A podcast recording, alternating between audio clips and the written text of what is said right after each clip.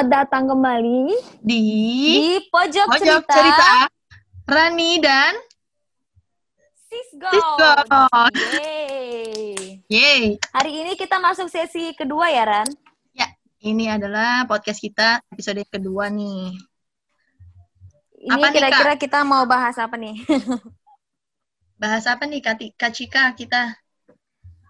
ini kita untuk sesi kedua ini lagi mau membahas tentang Hmm, pedih apa ya, lebih ke positif negatifnya dari ditinggal Cerita. pernikahan aja kalian, Ran. Kayak Ya. cerita-cerita gitu aja. Mau dengerin sharing teman kita yang Sharing-sharingnya aja. yang pernah udah berpengalaman di ahlinya gitu. dan yang ahlinya udah berpengalaman di ahlinya. Yang udah Bagaimana- berpengalaman di bidangnya. bagaimana jatuh bangunnya mengalami gagal nikah. Asik. Mm-mm. Siapa nih ya teman kita nih? Rasanya rasanya ditinggalkan, Hmm, terus susahnya move on, saya move on. terus akhirnya benar-benar bisa bangkit. Dan akhirnya sekarang udah sembuh. Yeay. Udah biasa aja dianya ya. Yuk kita panggil yuk Dan Kak. udah udah bisa sharing juga dia. Ya, karena kita undang dia ke sini juga dia sudah dalam keadaan yang malah senang mau cerita. Oke, oke. Oke, tidak usah berlama-lama lagi. Kita Hmm. sambut dengan sangat sangat sangat sangat sangat meriah Kartika. Kartika. Kak Tika. Mana meriah? Gak meriah. Uh, tepuk tangannya. Kak Tika. Itu sudah cukup meriah ya. Halo Kartika, selamat pagi. Sudah bangunkah hari Iya, ini? Ini mulutnya aja yang bangun, gak tahu raganya nih jiwa raganya. Hmm, masih di tidur Aduh, ya. bangun dong. Cuci muka dong, gosok gigi, main lagi. Ngaca, ngaca, ngaca gon. Ah, kaum rebahan sekali ya Kak Tika ini ya. Sebelum kita ya. sebelum kita masuk ke topik, kira-kira Kak Dika ini sekarang kesibuk kesibukannya ngapain? Sibuknya ya kayak manusia pada umumnya kerja, nyari uang, Kerja. nyari cuan. Ker- kerja lembur bagai kuda sampai lupa orang tua ya. Aduh.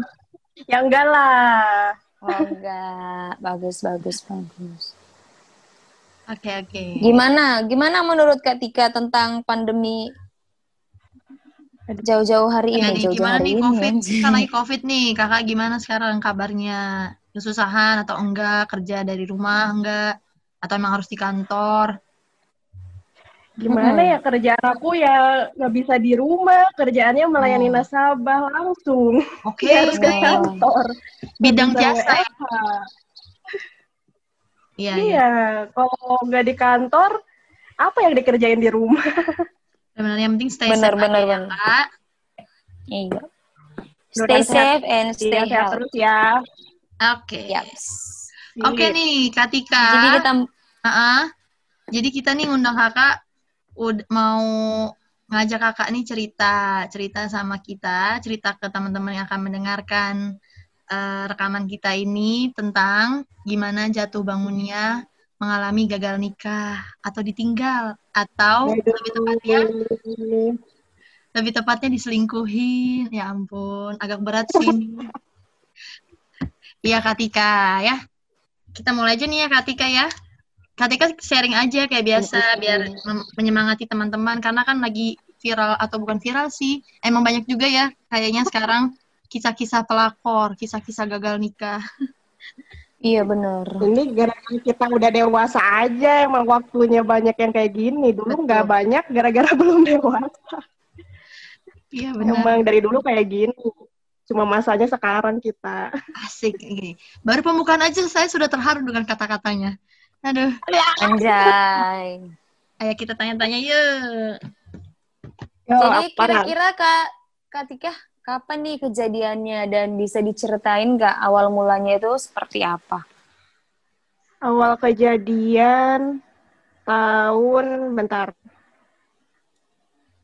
Dia kerja tahun berapa ya? Pokoknya dia kerja ke Kalimantan kan, jauh di sana, Oh. bukan di Pulau Oh ini Jawa. saking saking udah move on-nya jadi benar-benar sudah melupakan Lupa. hal itu ya.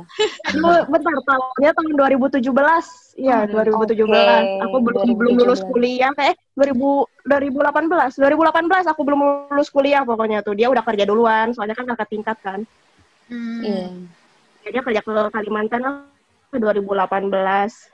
Bener-bener ketahuannya itu di ya nggak ketahuan deh benar-benar berubahnya di tahun 2019 intinya.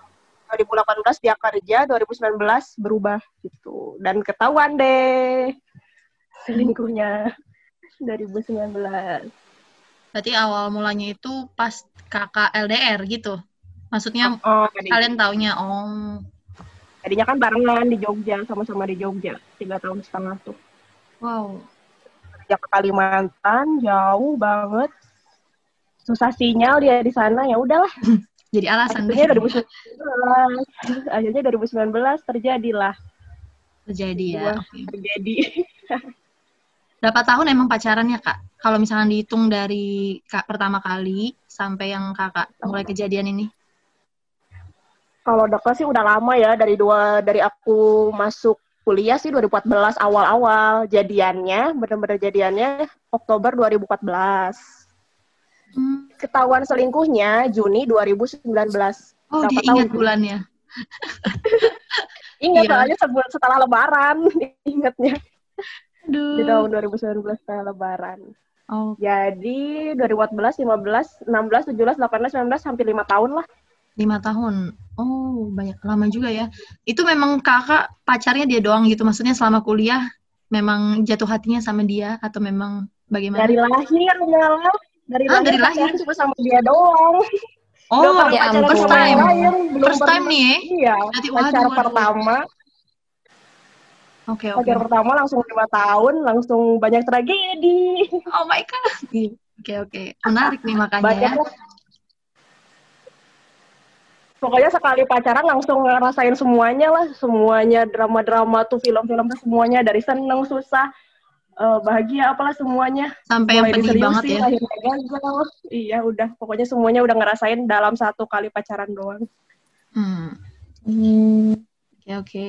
Tapi Kak, sebelumnya ini, sebelum kejadian nih, sebelum ketahuan kalau memang eh, dia ada yang lain di sana, sebelumnya tuh Hmm. baik-baik aja nggak sih hubungan atau emang kelihatannya udah kayak ada yang nggak beres gitu? Maksudnya kalian sering berantem atau memang baik-baik aja pas lagi LDR? Oh dari oh dari LDR ya.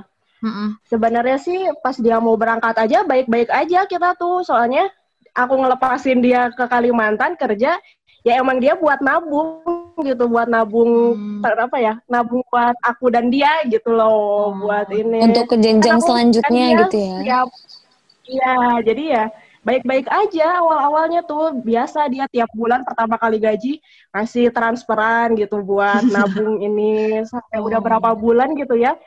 Udah bisa beli mahar pokoknya tuh sampai beberapa bulan Wow. ini tuh. Udah bisa beli mahar buat aku gitu loh. Udah beli berapa gram emas dari hasil tabungan dia ya gitulah ya berantem sih pasti berantem gara-gara susah dihubungin lah gara-gara ya kayak gitulah biasa lah ya Hmm. namanya pacaran tuh pasti ada berantemnya ininya dari sebelum LDR aja ya sering berantem maksudnya tuh kalau berantem ya adalah bumbu-bumbu dalam kisah percintaan mah kalau berantem kan Iya, memang kalau pacaran itu ya harus berantem. Kalau nggak berantem nggak pacaran namanya. Ada yang ditanya-tanya ini beneran nggak ya? Kayak gitu ya. Hmm. Yang berantem aja kayak gitu ya, Kak ya? Jadi memang hubungan hubungan sebelumnya baik-baik aja ya kak ya. ya seperti pada umumnya lah pacaran pada umumnya ya mungkin ya akunya yang agak anak kecil kali ya dia yang udah dewasa makanya dia pergi pun aku ya percaya soalnya dia udah dewasa gitu aku Hmm. yang anak kecilnya di sini tuh dalam Oh hubungan tuh baik. Baik-baik.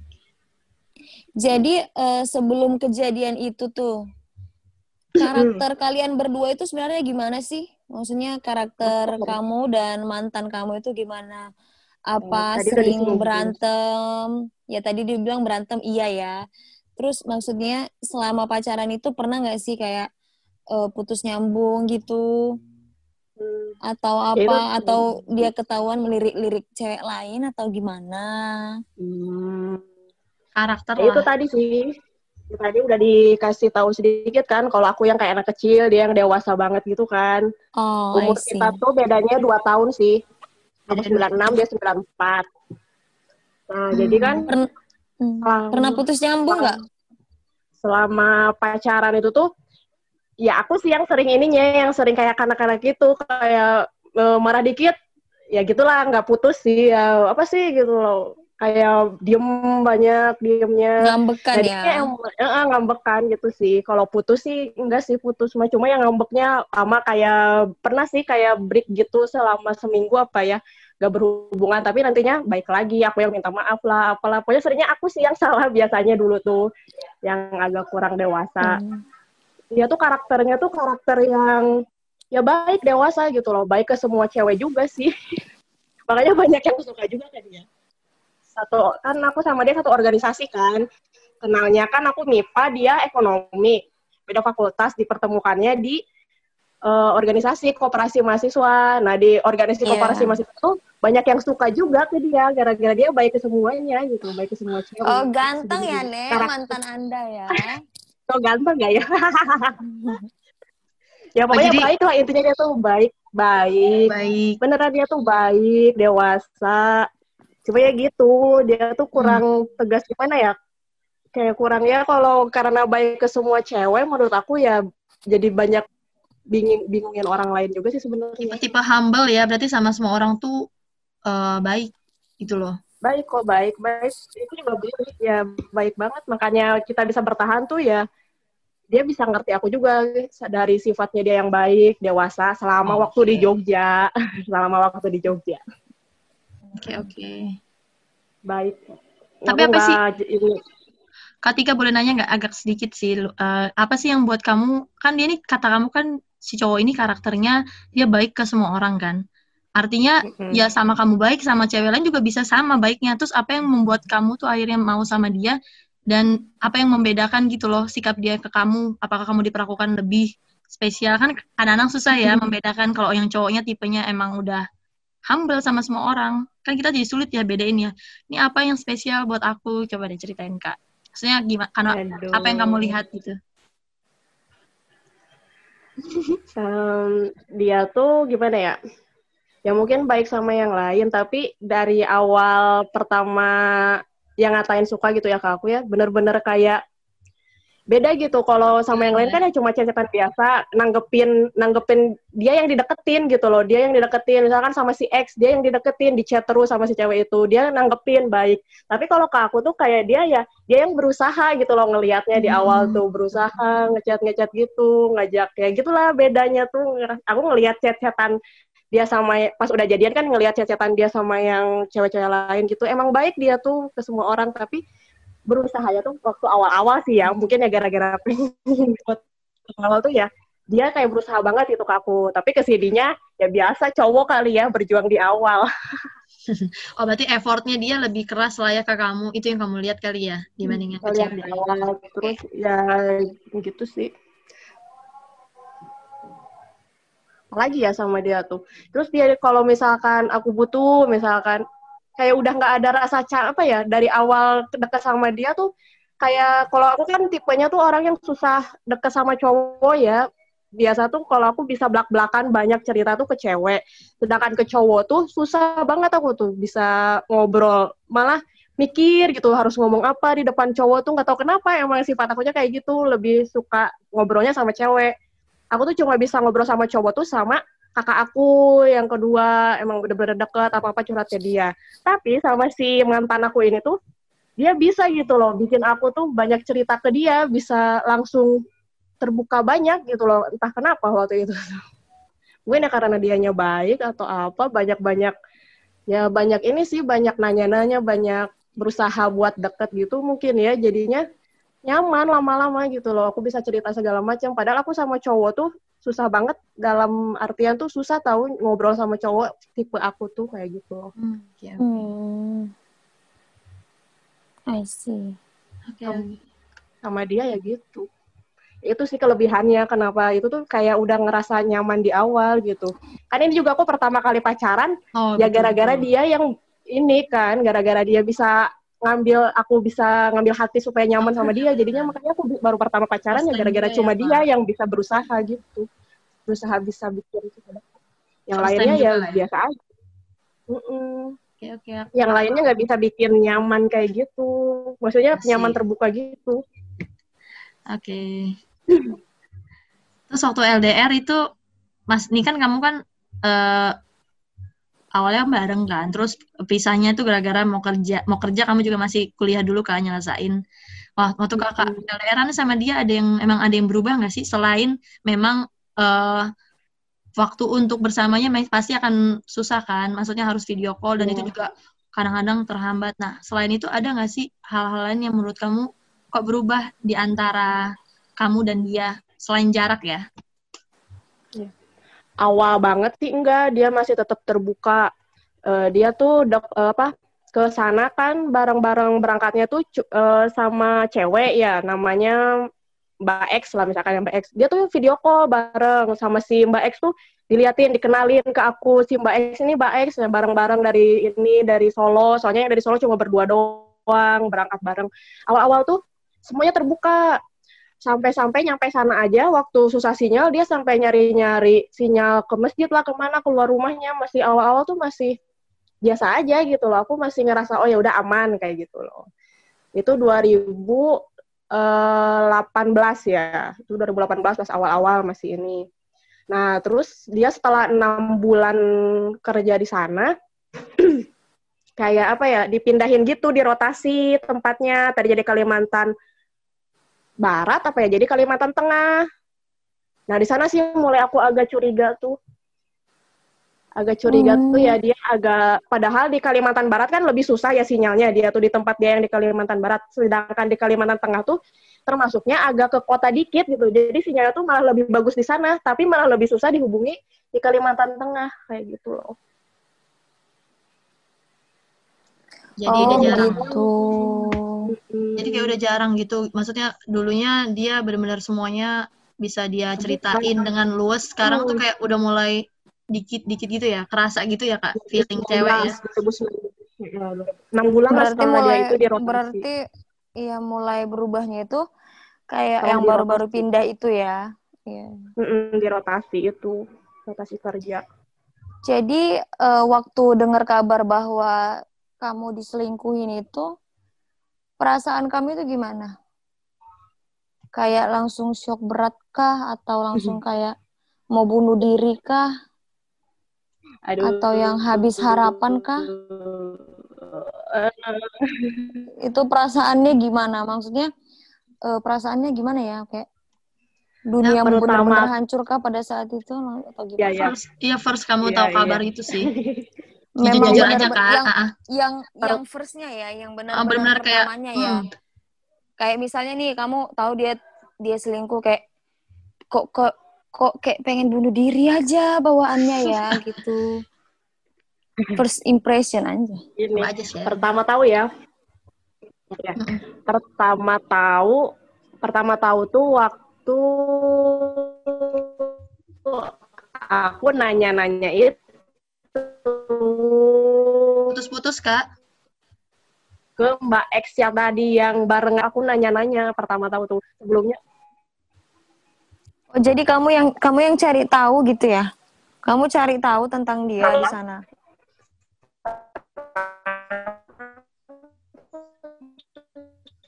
putus Halo, Tika, suaranya putus-putus. apa sama dia tapi nggak banyak kejadian gitu ya halo Iya kak. Halo Tika, suaranya kamu itu masih putus-putus. sekarang masih putus-putus Enggak. halo Enggak kok kak. Oke. Pertama ya, lanjutin ya. Pertama tahunnya. Pertama tahunnya tuh ya pas aku nyari tahu sih. Sebenarnya aku nggak niat nyari tahu sebenarnya tuh nggak mau niat nyari tahu soalnya percaya. Eh tapi nggak tahu kenapa mungkin emang jalannya kali ya. Mungkin jalannya aku Feeling tiba-tiba ya.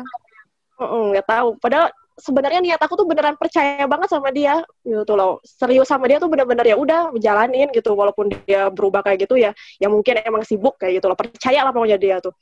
pas aku tuh tiba-tiba pengen aja gitu nyari-nyari tahu ke temen-temennya. Nah aku tuh inget dia kan pernah kenalin sama si Mbak X itu yang bareng-bareng berangkat dari Solo itu kan. Dan kebenaran emang deket sekarang tuh udah deket rumahnya barengan sama itu satu kerjaan sama si Mbak X Solo itu tuh. Nanti aku nanya ke Mbak X, sebenarnya iseng-iseng sih, sebenarnya tuh iseng-iseng benar pertamanya tuh. Gimana sih dia di sana? eh dia tuh malah ngasih nomor handphone ke aku waktu itu kan aku nyari-nyarinya di Instagram kan ya, nyari-nyari si Mbak X gitu ya. Nyari-nyari di Instagram yang di-follow sama si mantan aku. Si X siapa ya? Jangan X deh, susah nyebutinnya. Mbak Mawar aja ya. Boleh. Sama Mbak Mawar ya. Jadi di aku tuh nyari-nyari, diklik nyari nama Mawar di Instagram uh, follow followingnya mantan aku aku chat tuh di Instagram, Mbak, aku Tika uh, pacarnya, dulu kan masih pacar ya, pacarnya si mantan aku, kata aku tuh kan. Oh iya, ada apa? Mau nanya-nanya sih, Mbak. Terus dia tuh langsung ngasih nomor gitu loh, nomor dia sendiri, jangan di Instagram deh, katanya susah ngejelasinnya. Dia ngasih nomor telepon. Nah, hmm. malamnya langsung aku telepon si Mbak Mawar. Ya hmm, gitulah awal. Terus, terus? Awalnya awalnya nyeritain lah kataku tuh kejanggalan-kejanggalan gitu kan. Kok aku tuh kayak janggal ya semenjak dia pindah. Hmm, terus dia langsung kayak aku tuh kasihan ke kamu katanya. Aku juga sama-sama cewek katanya. Aku juga sama-sama pernah lain ini. Akhirnya dia ceritain semuanya kalau di sana ternyata mantan aku tuh selingkuh gitu. Ternyata selingkuh sama adminnya yang di sana bawahannya di sana banget. Jadi ke mana-mana bareng sama oh. si cewek si cewek pelakor itu. Si cewek pelakor itu bareng-bareng sama mantan aku ke mana-mana kalau kerja. Soalnya adminnya dia banget di bawah dia banget ya semenjak itu oh. tuh kayak gimana ya pas pertama tahu itu tuh kayak nggak nyangka aja sih ah ini paling bohong kali ini mah cuma ngerjain doang kali. Kayak gimana ya nggak percaya sih pertama pertama tahu tuh ngerasa ya?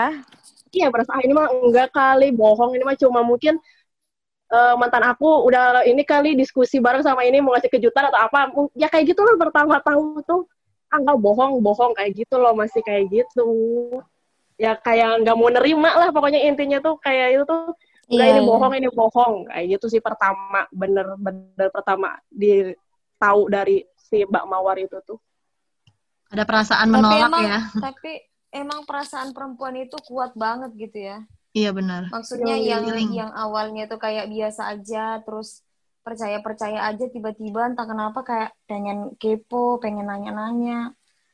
Nah, Memang itu anehnya kan. Feeling cewek itu guys. Luar biasa. Teman-teman sama sekali. Dan ya sama sekali. Aku tuh benar-benar 100% percaya lah kalau itu aja. Soalnya ya nggak mungkin lah dia kata aku tuh mau main-main orang ya mau main-main paling main-main biasa mungkin gitu kan. Udah serius banget udah ke orang tua aku udah ke rumah aku kan ke Tasik dua kali. Udah hmm. aku ke rumah dia udah pernah waktu dia wisuda sama orang tuanya sama adanya sama orang ininya. Jadi ya nggak ada yang diragukan gitu selama kita barengan juga jarang macem-macem nggak pernah macem-macem gitu loh. Jadi ya apa yang diragukan sebenarnya kalau misalkan aku itu kan nggak pernah meragukan sama sekali. Tapi tiba-tiba aja tuh kok kayak pengen cari-cari tahu teman-teman dia di sana siapa aja kayak gitu loh. Ya itu.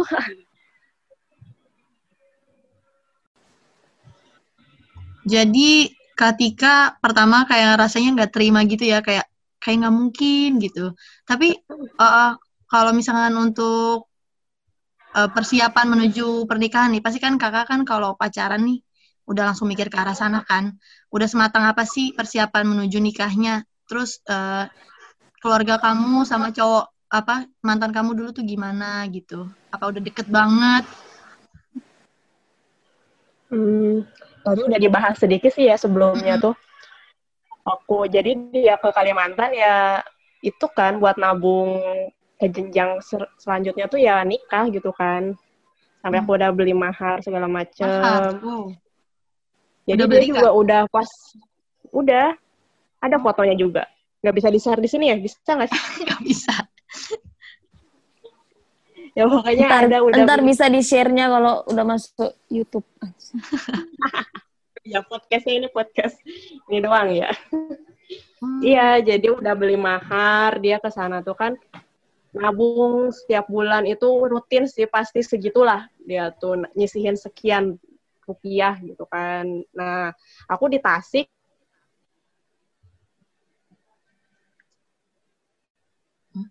Sama ibu aku sama kakak-kakak aku sama pertama mahar dulu. Kan emas tuh makin lama makin naik kan. Jadi udah emas dulu aja buat mahar terus hmm. untuk yang kayak gedung kayak apa ya kayak persiapan untuk make upnya kayak gitu ibu aku udah nanya-nanya walaupun dia belum belum fix mau ke sana tapi udah nanya-nanya ke temennya nanti pas hmm. gedungnya tuh mau di tempat gedung PGRI kan ibu aku kan uh, pensiunan guru kan nah di sana tuh pasti ada diskon ada apa lah pokoknya udah nanya-nanya gitu berapa ini berapa itu nanya-nanya doang sih tapi ya udah kayak nyiapin gitu loh terus undangannya tuh undangan keluarga ibu aku siapa aja yang tamunya mau diundang kayak gitu udah mau dicatat-catat gitu. Udah udah ya udah kayak mau nikah pada umumnya lah. Itu kan dia niatnya Oktober 2019 mau ke Tasik kan lamaran. Udah bilang ke ibu aku udah bilang ke keluarganya dia juga. Ya kita udah saling tahu keluarga kita tuh Oktober dia dapat cuti pulang 2019 mau lamaran. Terus 2020 Maret kemarin tuh yaitu kelangsungan nikahnya kita makanya persiapannya ya udah banyak lah walaupun belum ini walaupun yang udah dikasih cash uang tuh ya cuma mahar doang tapi pertanyaan eh nanya-nanya ke semuanya udah banyak ibu aku udah mulai mulai mempersiapkan berarti memang memang udah sematang itu ya per, persiapannya menuju pernikahan itu ya. Dia Dan kan, memang benar-benar kan, keluarganya udah ini ya, udah memang benar-benar setuju semua gitu ya. Iya sih, orang waktu ke rumah dia udah pernah. Aku ke Solo hmm. pernah, dia ke Tasik juga udah dua kali gitu nginep di rumah aku udah udah ya kayak udah saling kenal lah keluarga kita tuh kayak gitu loh. Cuma yang belum kenal tuh keluarga aku dan keluarga dia doang. Kalau kitanya ke keluarga masing-masing udah kenal gitu, udah pernah berkunjung oh. juga ke rumah masing-masing. Dan terus kan hmm. kenapa matang banget? Aku kan ketahuannya tuh bulan Juni ya, Juni 2019. Sedangkan dia mulai lamaran Oktober 2019, ya kan udah deket gitu loh nikah. Maret 2020 ya gimana nggak matang persiapannya orang ya tinggal oh. menghitung bulan lah intinya. Wow dari Juli, mm -hmm. Juli, Juni, Juli, Agustus, September, Oktober kan tinggal empat bulan dari lamaran.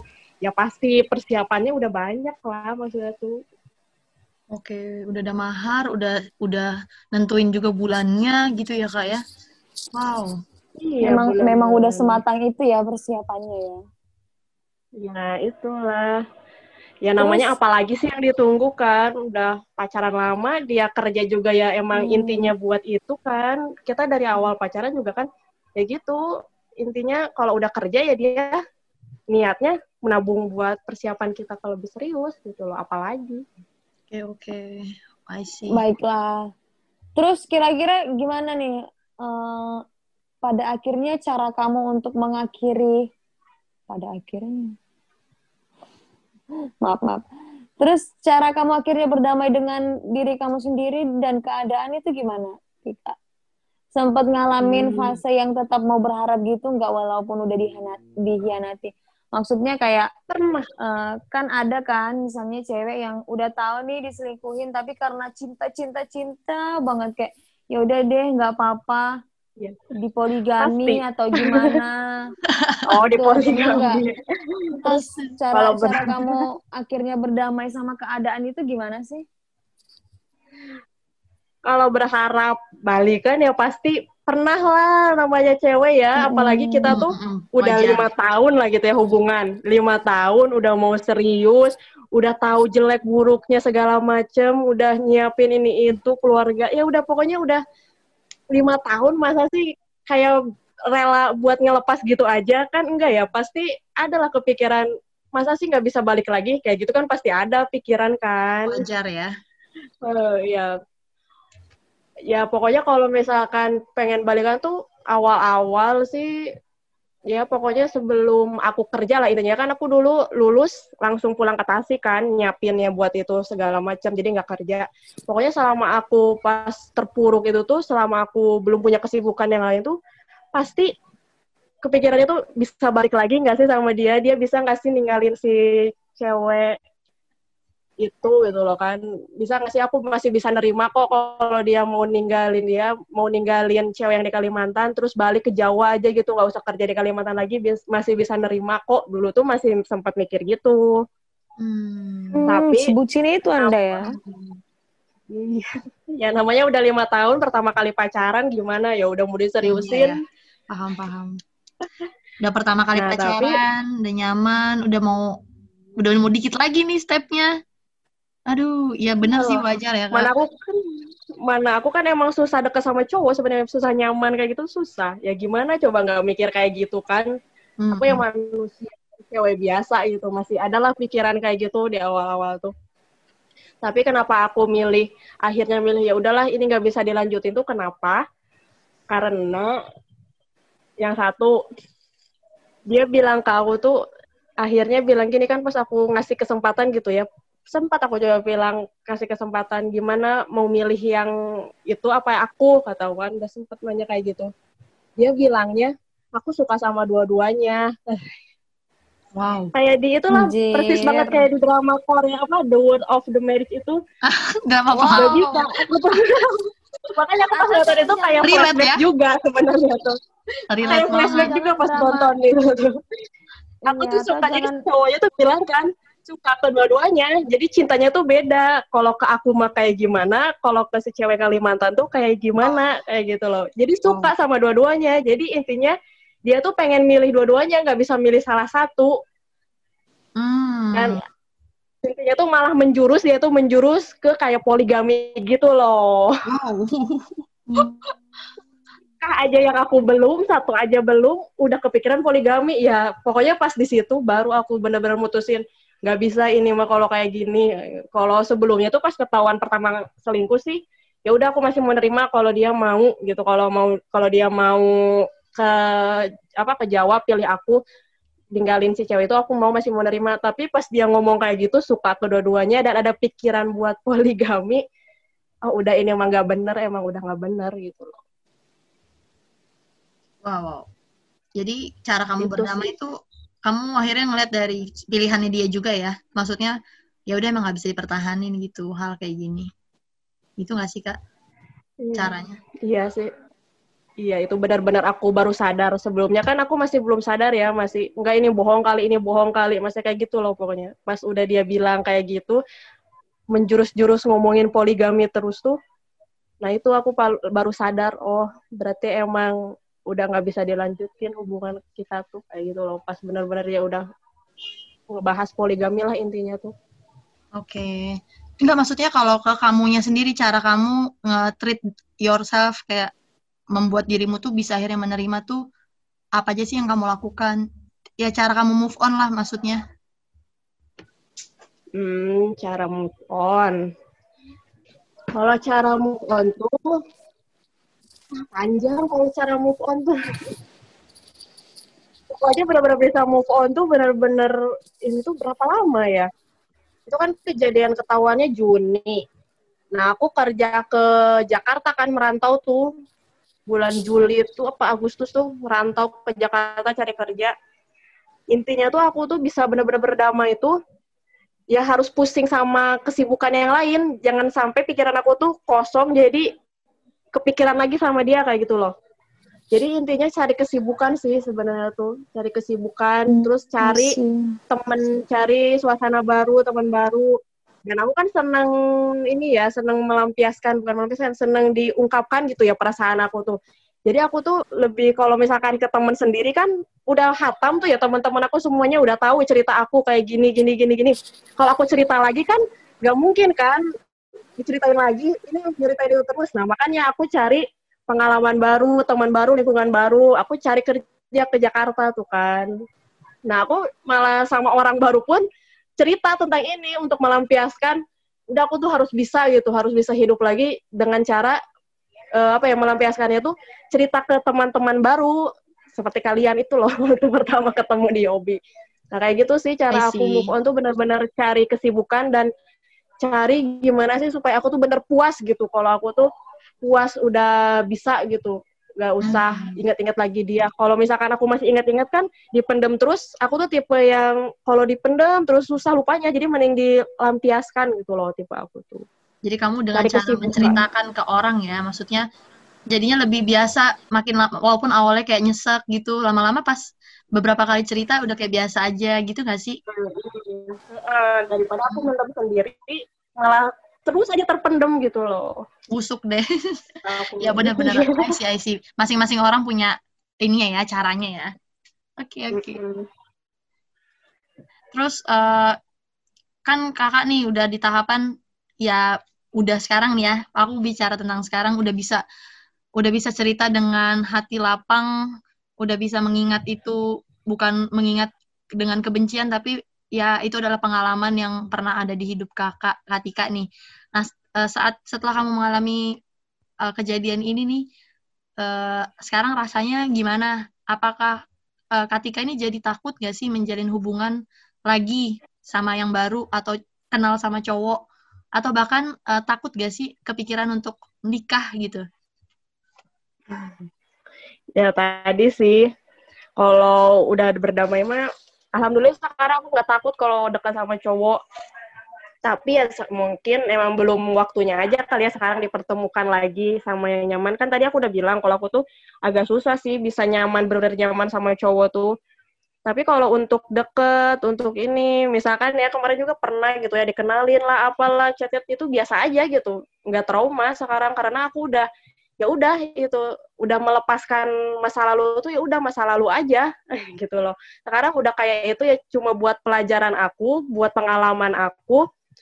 Kalau aku tuh udah pernah ngerasain jatuh bangun kayak gitu loh. Kalau aku tuh ternyata kuat gitu. Jadi malah jadi buat penyemangat sendiri sih. Aku tuh ternyata hebat ya bisa melalui itu semua. Malah jadi buat motivasi aku sih. Buat ke depannya berarti aku hmm. untuk hubungan selanjutnya bakal lebih kuat lagi gitu kalau uh, karena yang sebelumnya aja yang pahit kayak gitu aku bisa laluin nanti kalau yang sesudah ini kan hmm. kan namanya orang kan berharap yang sesudah ini pasti pilih yang milih yang tepat kan ya pasti nanti hubungan selanjutnya bisa lebih baik lagi kayak gitu loh. Amin. Malah jadi motivasi buat aku. Tapi waktu awal-awal banget nih kak, tahap tahap-tahap kakak lagi bangun nih, pasti kan ya kita mau kalau ngalamin hal seperti ini kan uh, apa pun itu fase-fase kan nggak langsung tiba-tiba bisa kan. Sempat gak sih kayak di tengah-tengah iya. perjalanan bangkit itu kayak kakak kesel gitu kalau lihat cowok ah kayak menganggap semua tuh cowok sama aja gitu loh. Ngerti gak sih maksud pertanyaanku? Ya kayak ah gini-gini sempet kayak punya pandangan benci gitu loh melihat cowok laki-laki waktu di tengah-tengah fase sebelum sekarang ya. Kalau sekarang kan kakak tadi cerita udah udah siap gitu loh udah oke okay, memang belum waktunya tapi kayaknya uh, bakal lebih kuat lagi bakal lebih sabar dan lebih ini lagi sih lebih baik lagi. Kalau yang kayak sebelum ini pernah nggak sih punya kepikiran kepikiran kayak gitu? Malah kalau waktu itu kepikirannya apa ya? Kepikirannya ngelupain sih. Kalau sama cowok tuh waktu awal-awal tuh malah nggak tertarik iya sih pernah sempat ah, apa sih deket sama cowok nggak tertarik gitu loh ya tertarik awal-awal sih tapi ya gimana ya jadi waktu pertama putus tuh lebih ke apa ya aku tuh nyari kesibukan sendiri gitu kan nyari kesibukan bukan ke cowok soalnya kalau misalkan aku ke cowok itu sama aja kayak ngelampiasin kan sama aja kayak pelarian. Ya aku juga nggak mau lah aku habis disakitin malah nyakitin orang lain. Jadi dulu tuh lebih menahan diri tuh ya udahlah aku nyari kesibukan apa sih? gitu yang bisa benar-benar ini yang pastinya positif gitu kan ya.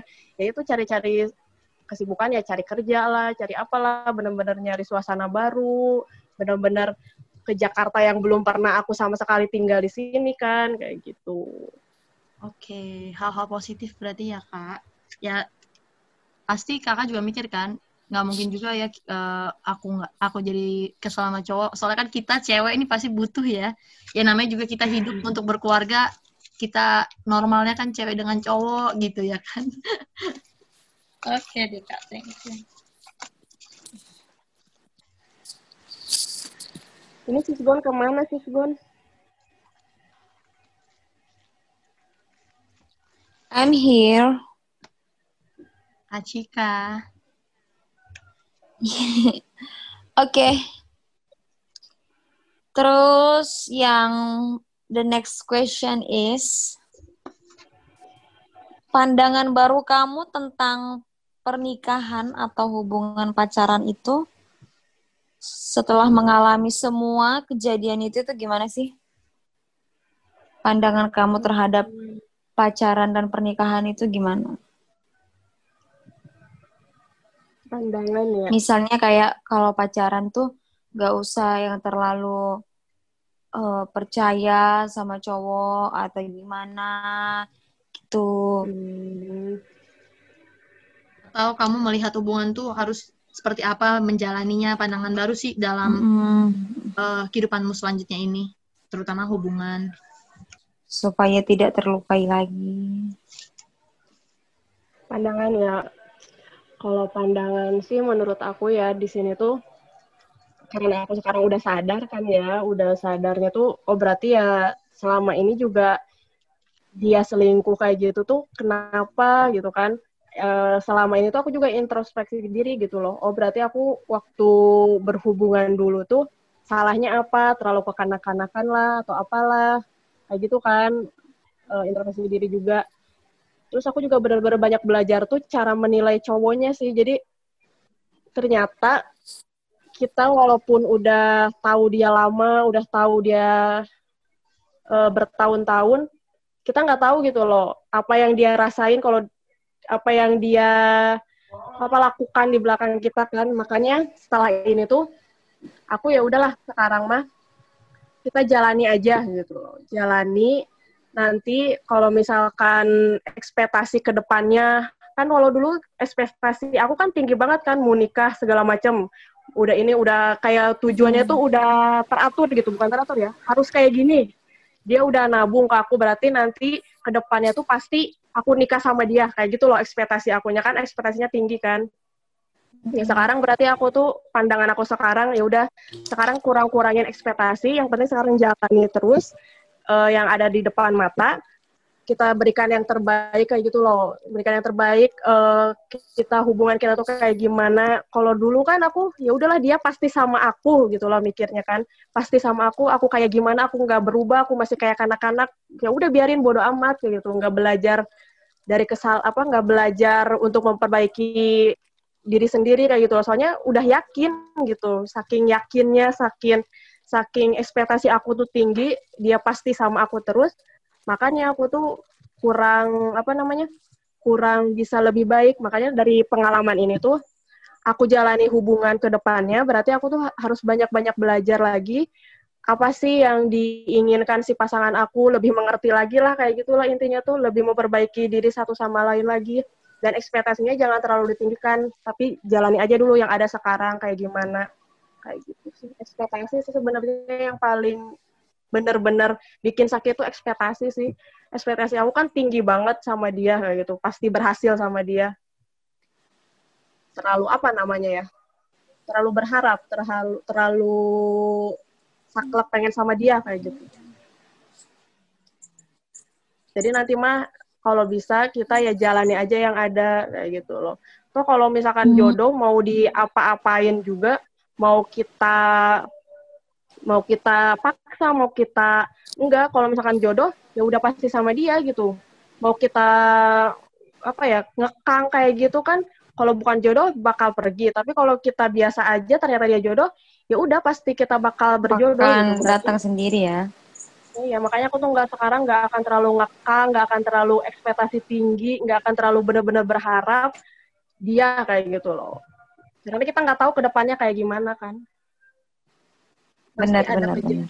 Pasti ada kejadian yang tak terduga, nggak sesuai harapan kita, atau misalkan ada kejadian apa pun gitu kan, kita harus siap nerima kayak gitu loh. Kalau dulu kan aku nggak ada persiapan sama sekali bener-bener udah pasti kayak gitu sesuai aturan tuh kalau udah lama pacaran udah serius udah nabung pasti bakal nikah kayak gitu loh gak ada persiapan hmm. mempersiapkan dirinya itu loh padahal kan ya kita namanya manusia pasti menemukan hal-hal yang tidak terduga seperti itu Ran, lu ngapain, Ran? Halo, iya kak. Aku mendengar. Pokoknya kakak Tika Tika ini lebih uh, prepare-nya ya, maksudnya kita memandang hubungan itu ternyata nggak segampang atau selurus itu gitu, tapi lebih banyak hal yang mungkin harus dipersiapkan, baik itu dari kakaknya sendiri, diri sendiri, dari pasangannya nanti, sama kedua-duanya gitu ya kan Katika? Keren lah. Sama ekspektasi sih benar. Ekspektasi, iya sih benar. Ekspektasi kakak terlalu tinggi gitu seperti itu ya? Iya, terlalu berharap.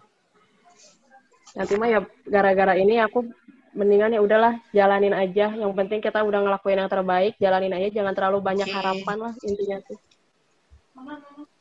Serahkan semuanya pada yang maha kuasa. Iya benar. Kan kita cuma manusia, bukan Tuhan yang menentukan ya. Tuhan yang menentukan. Eh, kalau jodoh nggak ke mana ya. Terus, terus kalau menurut, iya masih banyak nih Katika, nggak ada yang dikit lagi.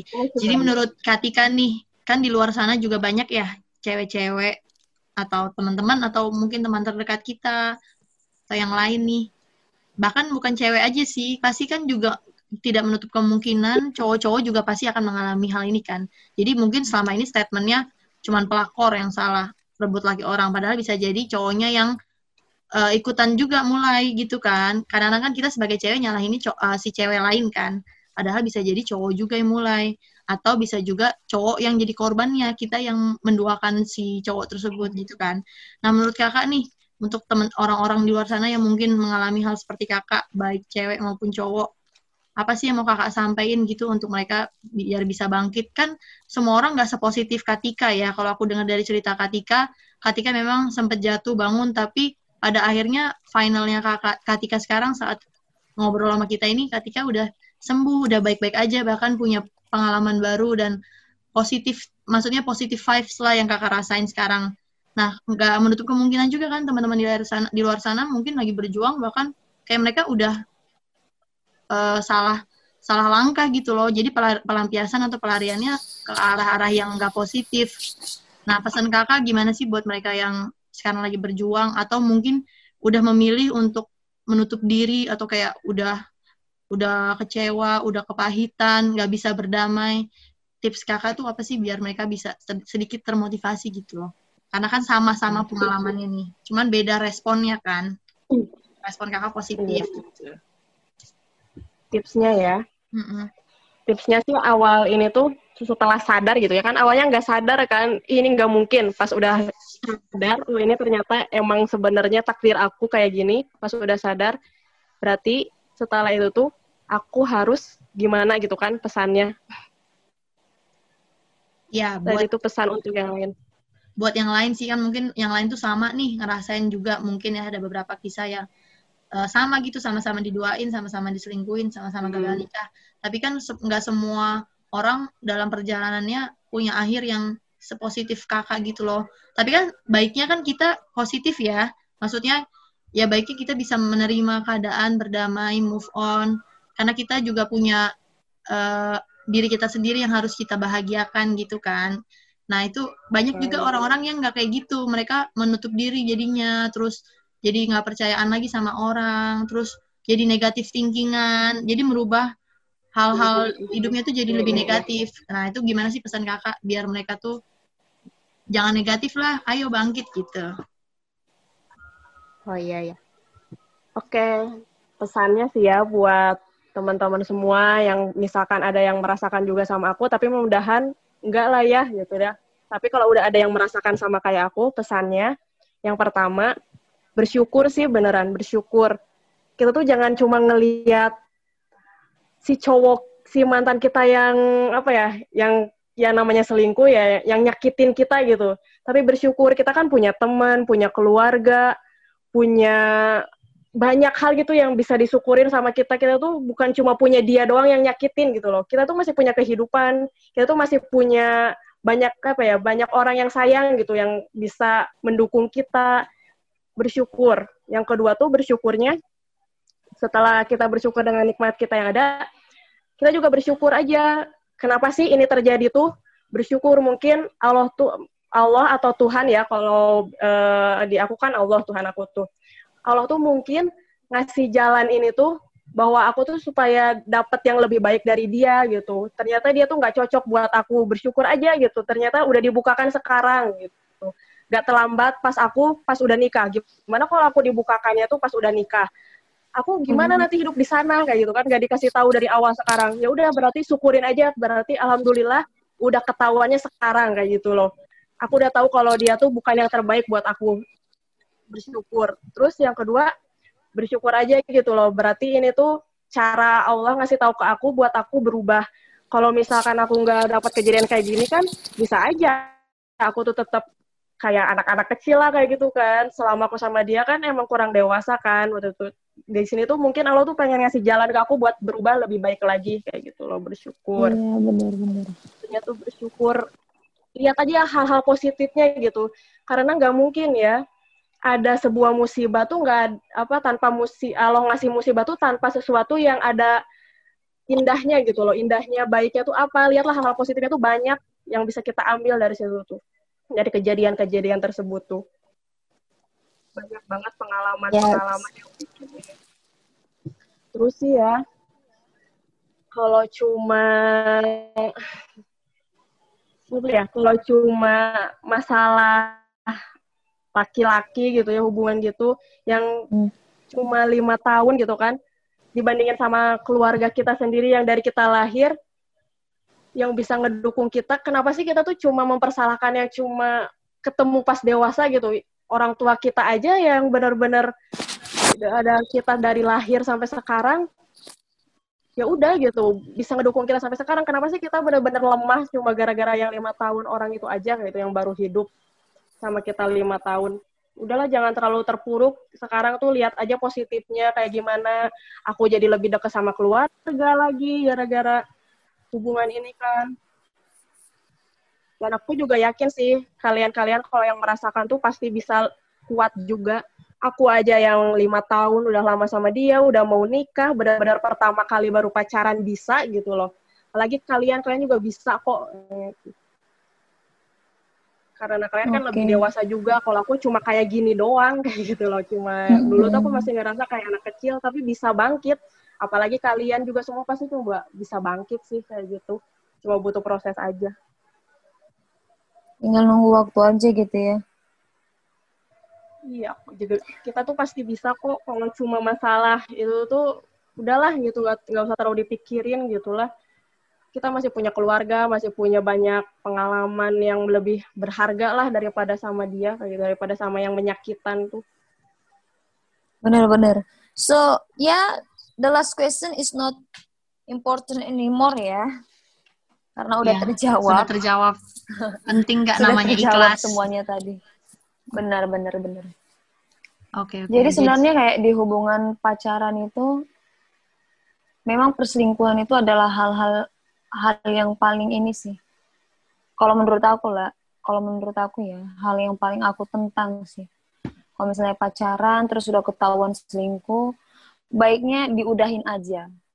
Kayak gitu sih kalau menurut aku. Karena perselingkuhan itu uh, bukan karena dia hilaf ya, tapi memang perselingkuhan itu kan kayak pilihan gitu, kayak hidup juga pilihan. Dan Betul. dia lebih memilih selingkuh Artinya sampai kapan pun, meskipun dia bilang dia nggak akan selingkuh lagi, pasti bakalan terjadi. Jadi kayak kalau udah diselingkuhin, udah deh stop aja. Tuh, kalau menurut aku ya. Benar sih. Aku aku sih belum pernah dan jangan sampai sih merasakan hal itu. Cuman aku hmm. melihat di sisi Katikanya, gimana Katika bis aku sih juga pesen gitu loh sama kita semuanya dalam hidup ya uh, kalau kita pun mengalami peny pengalaman penyakitkan itu bukan berarti itu karena kita payah justru yang kayak aku suka kata-kata ketika bersyukur sih karena mungkin di situ proses pendewasa pendewasaan kita kita dikasih izin sama Tuhan buat ngelaluin hal ini itu biar kita semakin mantap ke depannya. Dan akhirnya kan Katika juga bisa melihat hal positif kan. Bisa kerja ke Jakarta ketemu teman-teman yang baru uh, cerita-cerita ya, uh, uh, akhirnya bisa ketemu kita. Terus uh, ya dirimu itu juga berharga gitu loh kalau menurutku. Kalau uh, kalau kamu pun diselingkuhin ya memang sih kalau namanya cinta atau memang namanya wanita yang luluh dengan perasaan mungkin benar-benar ada kepikiran kayak aduh sayang banget aduh udah udah terlanjur cinta gitu loh kan. Cuman kadang-kadang uh, sisi lainnya kita sebagai manusia kan masing-masing punya hak untuk bahagia juga sih hak untuk diperlakukan spesial. Apalagi kalau namanya pernikahan kan. Ya kalau misalkan dia udah melihat ke yang lain lagi lain hati kan artinya kita bukan satu-satunya gitu. Walaupun ya memang namanya cowok kan pasti punya godaan kan. Kita aja cewek pun kalau ngeliat cowok ganteng langsung ih ganteng ih ganteng. Cuman kan kalau masalah kita memilih untuk selingkuh atau tidak kan itu udah pilihan yang sangat berhubungan dengan kedewasaan ya. Apalagi tadi pilihannya itu adalah suka dua-duanya. Itu kan kayak ya ampun mm -mm. ya pilihan yang bagus sih sekali buat, ya. Uh -uh, pilihan yang bagus sih buat Katika akhirnya bisa terbuka di situ loh untuk melihat oh ya udah uh, memilih untuk melupakan salut sih maksudnya kan aku kalau ngebayangin aja kayak udah sakit kali gitu loh.